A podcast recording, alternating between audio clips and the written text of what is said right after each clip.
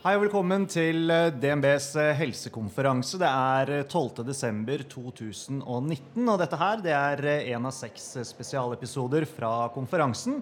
Og dette er en samsending mellom Radforsk sin podkast Radium og DNB sitt podkast Utbytte.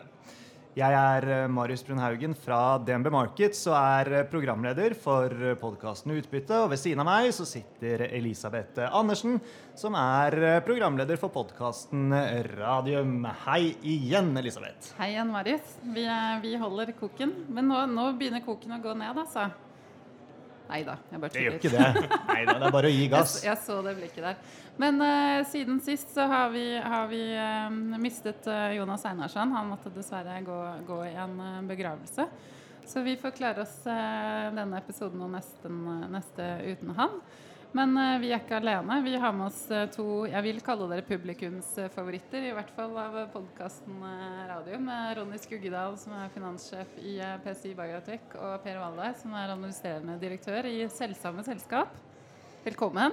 Tusen takk. Ja, må huske at nikking gjør seg dårlig på podkast. Oh, ja, ok. Det vet dere, for dere har vært gjester hos meg mange ganger.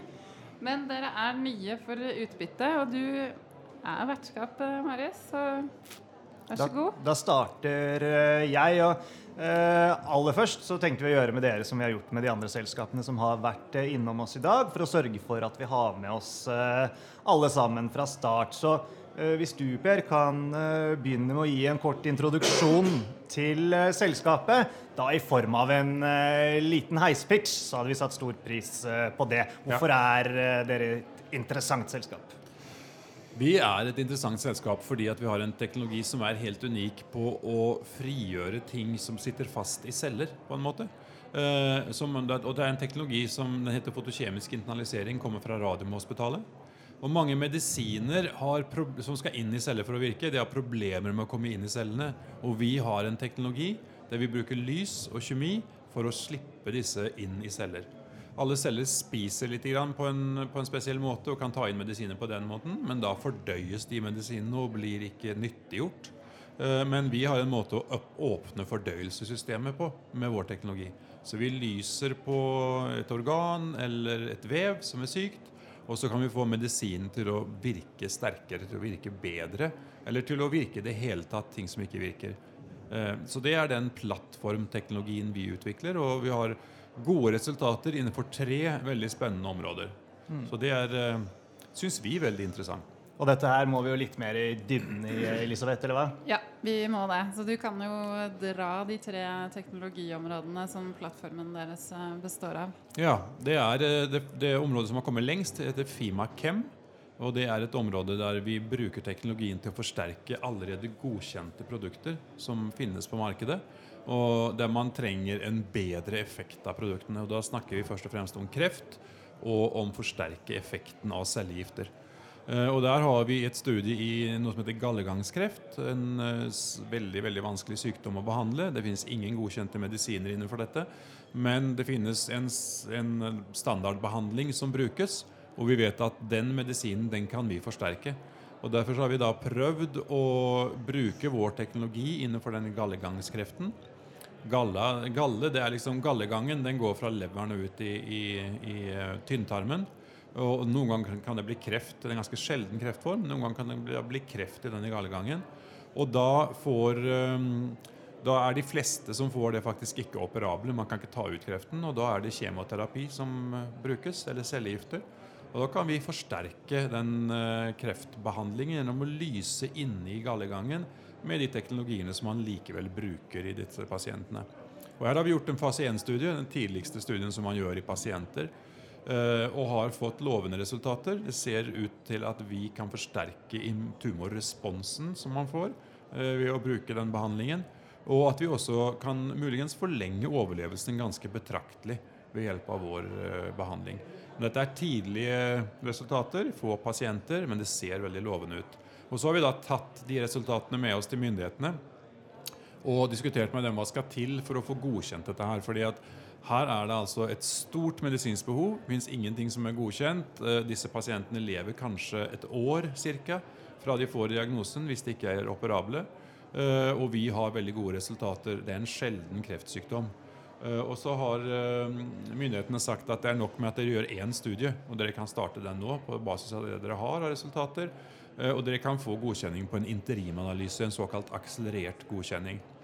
Eh, dersom, dersom resultatene blir tilsier at man, eh, man kan få det, da, selvsagt. Så da har vi startet opp en studie som kan føre til markedsføringstillatelse. Forhåpentligvis i løpet av tre år ca.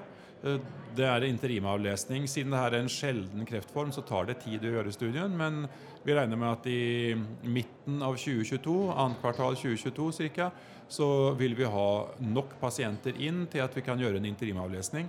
Og håper da å ha resultater som vil kunne gi oss en godkjenning.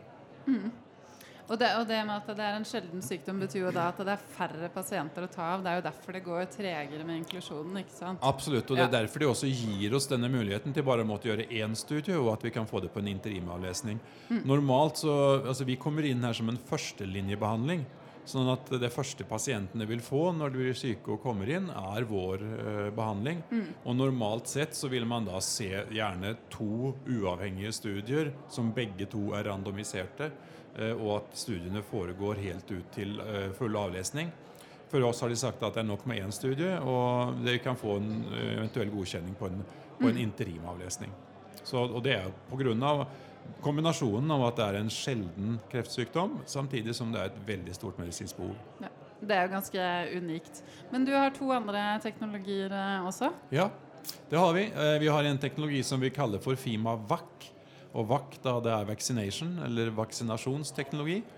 Der bruker vi teknologien sammen med vaksiner. Vi blander rett og slett vår teknologi med vaksine eh, eksisterende eller, eller vaksine i utvikling. Peptid- og proteinbaserte vaksiner. Eh, Og så injiserer vi det i huden. Og så lyser vi litt eh, på injeksjonsstedet. Og da har vi vist at vi kan forsterke effekten av vaksiner ganske betraktelig. Mm. Spesielt da den cellulære immunresponsen, som man trenger ikke minst da for såkalte terapeutiske vaksiner, eller vaksiner der man prøver å booste eh, immunsystemet hos en pasient til at det skal kunne behandle eller motvirke en allerede eksisterende sykdom i, i pasienten. Og jeg skal bare ta med en liten slurk vann, Ta fordi jeg er litt tørr i eh, halsen og hoster eh, litt. vann. Eh, Jeg kan, bare, jeg kan bare legge til at dette her, det ser vi at mange av lytterne er eh, opptatt av. For eh, her har det jo kommet inn flere spørsmål som går på akkurat eh, dette her. Så for, som en liten teaser for hva vi skal snakke om eh, senere i sendingen, så, så kommer vi til å komme tilbake på Ja. akkurat eh, disse tingene. Ja. Og så sendte dere jo ut en, en børsmelding i dag også på, um, på Fimavac, og at den blir presentert på, på Esmo. Ja. um, av en av forskerne deres. uh, Ikke en av forskerne forskerne Nei, han våre. er ansatt på institutt for uh, dette, vet jeg jo. Ja, altså ESMO er jo en, en, eh, ja. klinisk konferanse, en stor europeisk, eller Ja. blitt en internasjonal klinisk konferanse, uh, som, eh, som går på, på kreft. Det er jo Medical Oncology står MO. European Society for Medical Oncology. Mm. Uh, og, og de har da, siden immunterapi har blitt et så uh, brennhett område, rett og slett, der det skjer så mye, så har de startet opp en egen konferanse som heter ESMO Immuno-Oncology, som går i desember hvert år. Eh, og selv om vi da har eh, resultater bare i friske frivillige, så får vi lov til å presentere de dataene der.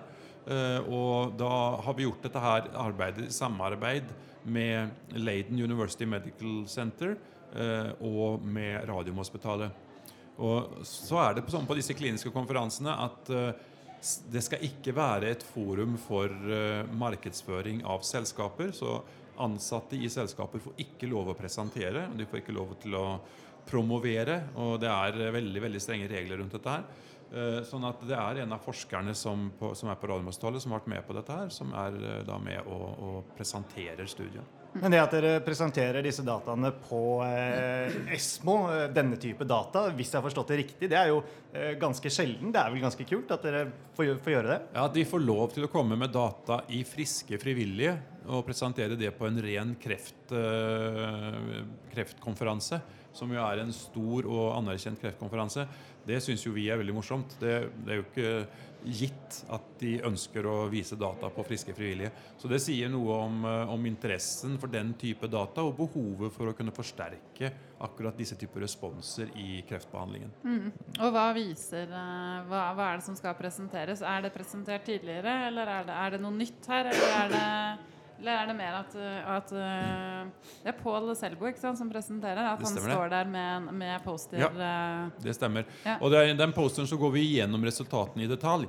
Disse resultatene fikk jo vi i våres. Mm. Og så tar det jo tid før man får bearbeidet alt sammen. Og så må man melde seg på konferansen og så sende inn abstract og søke om å få lov til å presentere. Og så får man lov til å presentere, og så går det en del måneder, og så kommer selve konferansen. Så vi har jo sittet med disse dataene en stund. Eh, og vi kan ikke sitte på innsideinformasjon på sånne ting i lang tid, så vi gikk ut med en gang vi fikk dataene til markedet og fortalte eh, hva er topline-resultatene her. Vi klarer å forsterke responsen kraftig. Vi får flere respondere, betraktelig mange flere respondere med vår teknologi. Og vi får bedre kvalitet på responsen. Så alle de tingene har vi fortalt. Og det som vi nå viser på, på selve konferansen, er jo mer detaljene i resultatene på dette. Mm. Så det er ikke noe nytt som kommer uh, her, men det er detaljer. Og, og, deres uh, aksjonærer er veldig opptatt av detaljer, så det tror jeg de setter uh, pris på. Ja. men du har én teknologi igjen, og det er Fima NAC. Det er Fima NAC-teknologien. og NAC det står for Nucleic Acids, eller nukleinsyrer. Eh, nukleinsyreterapier er et nytt område som eh, vel populært kan kalles kanskje for genterapi. Eh, fordi at det påvirker på en eller annen måte genmaskineriet, disse forskjellige terapiene. Enten så er det ting som kan slå av genmaskineriet, eller som kan få til å produsere ting som genmaskineriet gjør. Eller som kan implantere rett og slett nye typer gener. Og det som er problemet med det, det er et enormt potensial, selvsagt. fordi det er jo dette som styrer cellene eh, totalt sett. Så her mye, mange sykdommer kommer jo pga. Eh, ting som skjer i dette maskineriet også. Så her har det et stort potensial innenfor en rekke sykdommer til å virkelig utgjøre en forskjell. Eh, det som er problemet med, med, med den type terapi, er at dette er store molekyler. Det er svære molekyler alle sammen av disse, uansett om det er mRNA eller DNA eller SRNA eller hva det er. Eh, og hele det maskineriet som de benytter seg av for å ha effekt, det befinner seg inne i celler. Og cellemembranen den vil ikke slippe inn denne type produkter. Så de, de kommer ikke inn i celler, og da får de ikke virket. Eh, og Derfor så leter de farmasøytiske selskapene etter teknologier som kan løse det problemet, få disse her inn i cellene. Og der er Unnskyld. Der er vår teknologi en spesielt sånn fordi at disse cellene de, bruker denne spisemekanismen jeg snakket om i starten. De spiser disse type produktene ved hjelp av noe som heter endocytose. Og det kommer inn i cellene i disse såkalte endosomene, disse kapslene. Men det kommer ikke ut derfra uten vår hjelp. Og det er der vi tar og hjelper til og lyser på et sykdomsområde. Så kan vi levere disse her, og så blir de effektive. Og Det er tydelig at det er et stort behov, for vi har uh, i dag samarbeid med seks forskjellige nøkkelaktører innenfor dette området. Alt fra Big Pharma, som er AstraZeneca, som, uh, som prøver vår teknologi, og ned til relativt små biotekselskaper som også jobber med denne typen nukleinsyreterapier. Så det er et spennende område. Mm. Bra. Skal vi uh, zoome litt, uh, vi må zoome litt ut. ut igjen uh, ja. før vi kommer tilbake til detaljene senere? Eh, det som hadde vært fint, var om dere kunne tegne et lite bilde for oss i forhold til hvor dere er på kartet med tanke på eh, konkurransesituasjonen, hvor stort eh, markedet dere adresserer er, og, og, si litt på en måte om markedstilgangen. Ronny, har du lyst til å, å, å prøve der, eller vi må jo få med deg inn i samtalen også? Jo, takk for uh, tilliten, men uh, lurer på om vi skal spille ballen tilbake til Per umiddelbart. Okay. Ja, men da gjør vi det. Du, du, da, da, da du kommenterer kun tall. Det er kun finans. Takk. Greit, greit. Da er det Per. Nei, altså, Jeg tror Ronny helt fint skulle kunne svart på dette her, men jeg skal, jeg skal, jeg skal jeg prøve. Jeg følger protokollen. Ja. Uh, jeg, det er jo sånn at Disse tre programmene er tre forskjellige områder. Uh, og konkurransesituasjonen er forskjellig for de tre forskjellige områdene. Uh, og også markedspotensialet er forskjellig for de tre forskjellige områdene. Noe er et, et, et mer verdifullt på kort sikt, noe vil kunne være mye mer verdifullt på lang sikt. Så hvis vi ser på de tre programmene, så Fima Chem det er behandling av én spesifikk type kreft, gallegangskreft, som vi utvikler. Det er et stort medisinsk behov. Det er veldig lite i utviklingspipelinen. Det finnes noen få selskaper som jobber med dette, her, men det er ikke stor konkurranse. Eh, men det er også relativt, en relativt liten populasjon, så det er ikke veldig mange pasienter. Men siden det er en orphan disease, som det heter, altså en sjelden sykdom, så kan man få relativt godt betalt. Så Derfor kan markedsstørrelsen likevel bli betraktelig. Spesielt når man ser på det globale markedet. Og det her er noe som har også en høyere prevalens, eller høyere incidens, altså mer forekomst, rett og slett. I, flere, flere, som får det i Asia. Ja, det er flere som får det i Asia enn ja. som får det i Europa og USA. Ja. Så det er også et, et, et, en, en interessant markedsbit av det. Eh, når det gjelder markedsstørrelsen på Fimavac, dette er en vaksinasjonsteknologi som kan brukes innenfor en rekke forskjellige områder. Vi fokuserer primært først på terapeutiske vaksiner, men det finnes også behov innenfor profylaktiske vaksiner for dette. her. Så det er, eh, er et eh, altså Jeg tør ikke engang å, å, gjette på størrelsen på markedet, men er, vaksinasjonsmarkedet er enormt. sånn at det er jo de spesifikke områdene som vi kan benytte vår teknologi til å hjelpe på, som er de mest interessante. Da. Men det er også store sykdomsområder. Og så er det jo et område som vi fokuserer på, som er kreft. Og her er det ikke bare én kreftform, men generelt mange typer kreftformer du kan bruke vaksiner mot. Så det, er, det har et enormt potensial. Eh, dette er en teknologi og ikke et produkt, og den teknologien kan brukes til mange ting. Det samme gjelder Fimanak. Dette er jo altså Nukleinsyreterapi kan brukes til alle sykdommer. Eh, behandling av nesten hva som helst. Og en av de store eh, vanskelighetene med dette her er å få levert det inn til celler. Det har vi en teknologi for, så vi kan være en enabling technology for et enormt eh, potensial eh, fremover innenfor en klasse medisiner. Vår begrensning er at denne leveringen skjer kun der hvor vi lyser. Så vi kan liksom ikke bruke teknologien til å levere generelt til hele kroppen eh, en, en, en medisin. Eh, det er, men det er også en fordel uh, i visse sammenhenger, fordi du slipper off targets effekt. Altså du kan levere det kun der du vil ha det, gjennom å bruke vår teknologi. Da får du en form for målstyring, da. Du får en form for ja. målstyring, ren lokasjonsmessig ja. målstyring av det. Mm. Så, det... så, det... er vel uh, i grove trekk Så er det jo andre som også jobber med teknologier for å løse både vaksinasjon og for å løse uh, Eh, selve nukleinsyreleveringsproblematikken. Men det blir litt for vidt og bredt å komme inn på uh, her. Men det er selvsagt ikke vi alene i verden som prøver å løse de to store problemene. Det er det ikke. Og hvis jeg får lov å skyte inn der, da, i tillegg, siden jeg fikk muligheten i stad ja, ja, ja, ja, kjør på. Så er det da innenfor Fimakem så sier Per her at vi fokuserer på gallegang i dag. Mm. Men det er også mulighet for andre indikasjoner innenfor det feltet. Det er det. Men vi er et lite selskap, begrensa ressurser, så vi fokuserer på gallegang nå. Mm. Dere har jo gjort studie der på hodet hodehals tidligere. Så. Ja, ja, og med svært gode resultater. Absolutt. Det, det, var, det var, ikke det, det Det var jo mer enn en prioritering. Ja. Men uh, du må fortsette å prate, Ronny. Du kan ikke være sånn tause Birgitte her inne.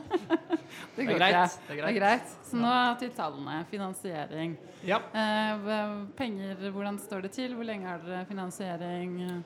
Vi eh, gjorde jo en eh, stor finansieringsrunde i fjor for eh, release-studien innenfor Fimakem og Gallegangsstudien.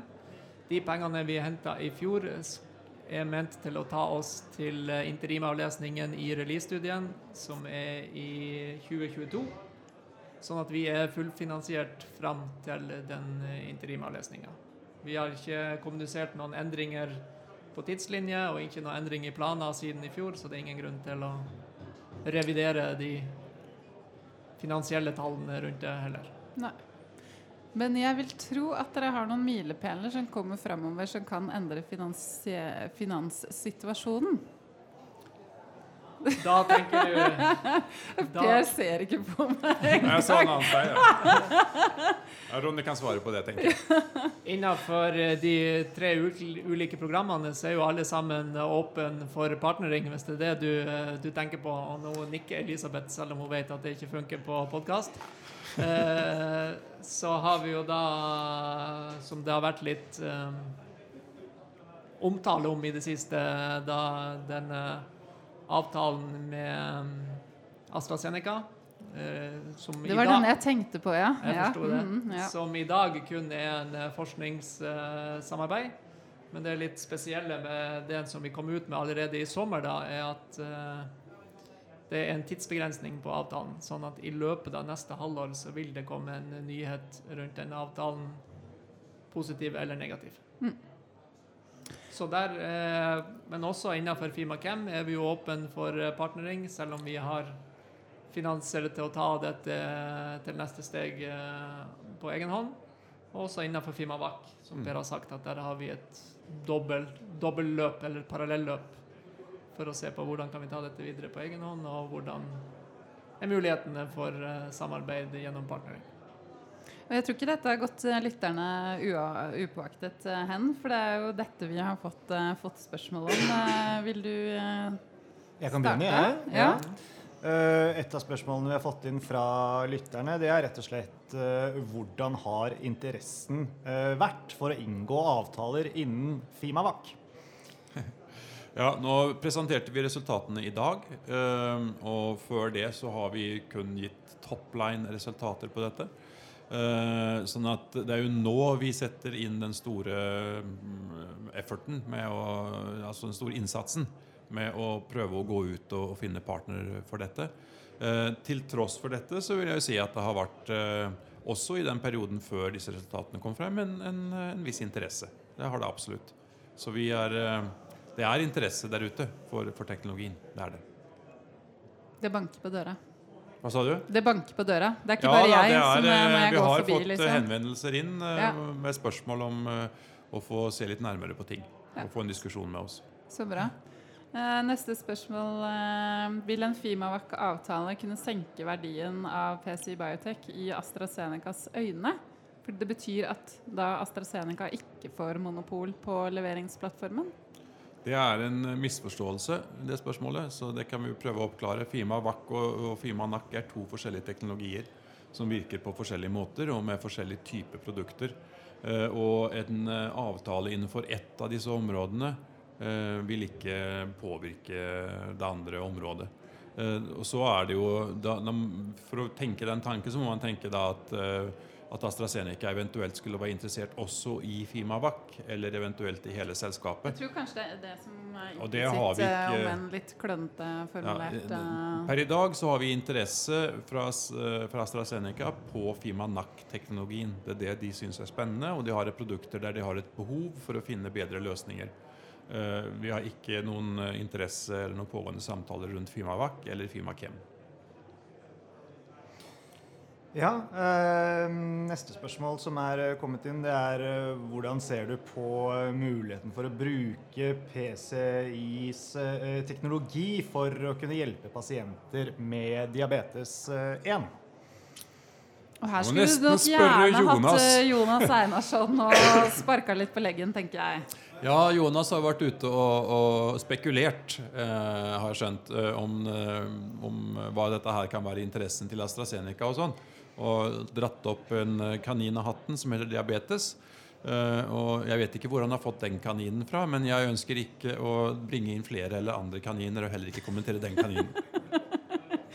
Det, den, jeg, vet, nei, jeg husker heller ikke hvordan den kaninen kom opp, men eh, det var i en tidligere podkast når vi hadde Christian Berge, som da er tanken bak eh, PCI Biotech og, og Photocure. eh, så det, de satt og spekulerte litt. Eh, grann. Akkurat. Eh, vi har et siste spørsmål fra lytterne. Eh, dere, eh, dere har jo en konkurrent som heter Nukana. Hvis Nukana PCI Biotech sin eneste konkurrent får godkjennelse på sitt sekkestudie før, før dere, altså før, før interimavlesningen deres, vil det påvirke release-studiet? Vil release fortsette som planlagt til interimavlesning, eller vil kontrollarmen da endres på bakgrunn av godkjenning som er gitt Nukana? Og da snakker vi jo om den markedsføringsstudien som går nå på gallegangskreft. Vi har med oss folk på det. Så spørsmålet er da først, eh, for det første i utgangspunktet dersom Nukana eh, kommer til mål før oss eh, med sine pasienter som De har vel ikke meldt første pasient inn ennå, så vidt jeg vet. De har vel meldt første site åpnet. Okay. Yep. Uh, og de skal vel, før de har første interimavlesning, inkludere noe sånt som uh, Jeg husker ikke helt tallene, men godt over 300 pasienter, tror jeg. Uh, så sannsynligheten for at det skjer, er vel kanskje ikke så veldig stor, eh, tror jeg. Men, eh, men eh, hvem vet? Kanskje de har noen eh, magiske tryllefingre som de kan holde på med. Som kan gjøre at de rekrutterer mye fortere enn alle andre. Dersom det skulle skje at de får det, så vil det i tilfelle være når vi omtrent er ferdige med vår release-studie. Så det vil jo ikke påvirke Vi kan ikke forandre release-studien i den fasen uansett. Så da er det da, da vil vi bare gå videre sånn som, sånn som vi gjør. Antageligvis så vil vi da submitte en file, eh, rett og slett, eh, omtrent samtidig. Eh, og da er det opp til myndighetene å vurdere hvordan de ser på dette.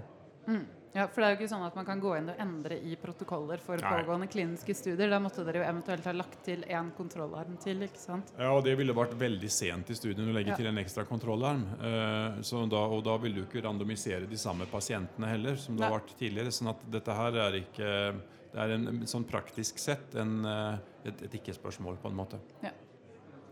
Bra. Da gjenstår det vel bare å si uh, tusen takk til uh, både deg, Per, og deg, Ronny, for uh, at dere tok dere tid til å være med på podkasten her på helsekonferansen i dag. Takk for invitasjonen. Ja. Veldig ålreit med en oppdatering på tingenes tilstand. Og så gleder vi oss selvfølgelig til å følge dere videre. Det virker jo som det er medvind om dagen, så det er gøy. Skal vi også benytte anledningen Per, til å skryte litt av DNB for konferansen? Ja, det syns jeg. Du kan få lov å skryte. vi har du. en eh, lokal konferanse her i Oslo med, som har vokst seg eh, så bra, det var positivt for alle biotek-selskap i Norge. Så det, vi håper å komme tilbake til neste år. Og veldig profesjonelt organisert, så all honnør. Så bra. Det er sånn skryt og god stemning. Ja, ja. da Man veit det nærmer seg jul, ikke sant? og alle er sånn der Nå er det juleferie snart. Så bra. Takk skal dere ha. Vi får la det bli siste ord for i dag, da. Ja, Takk skal dere ha.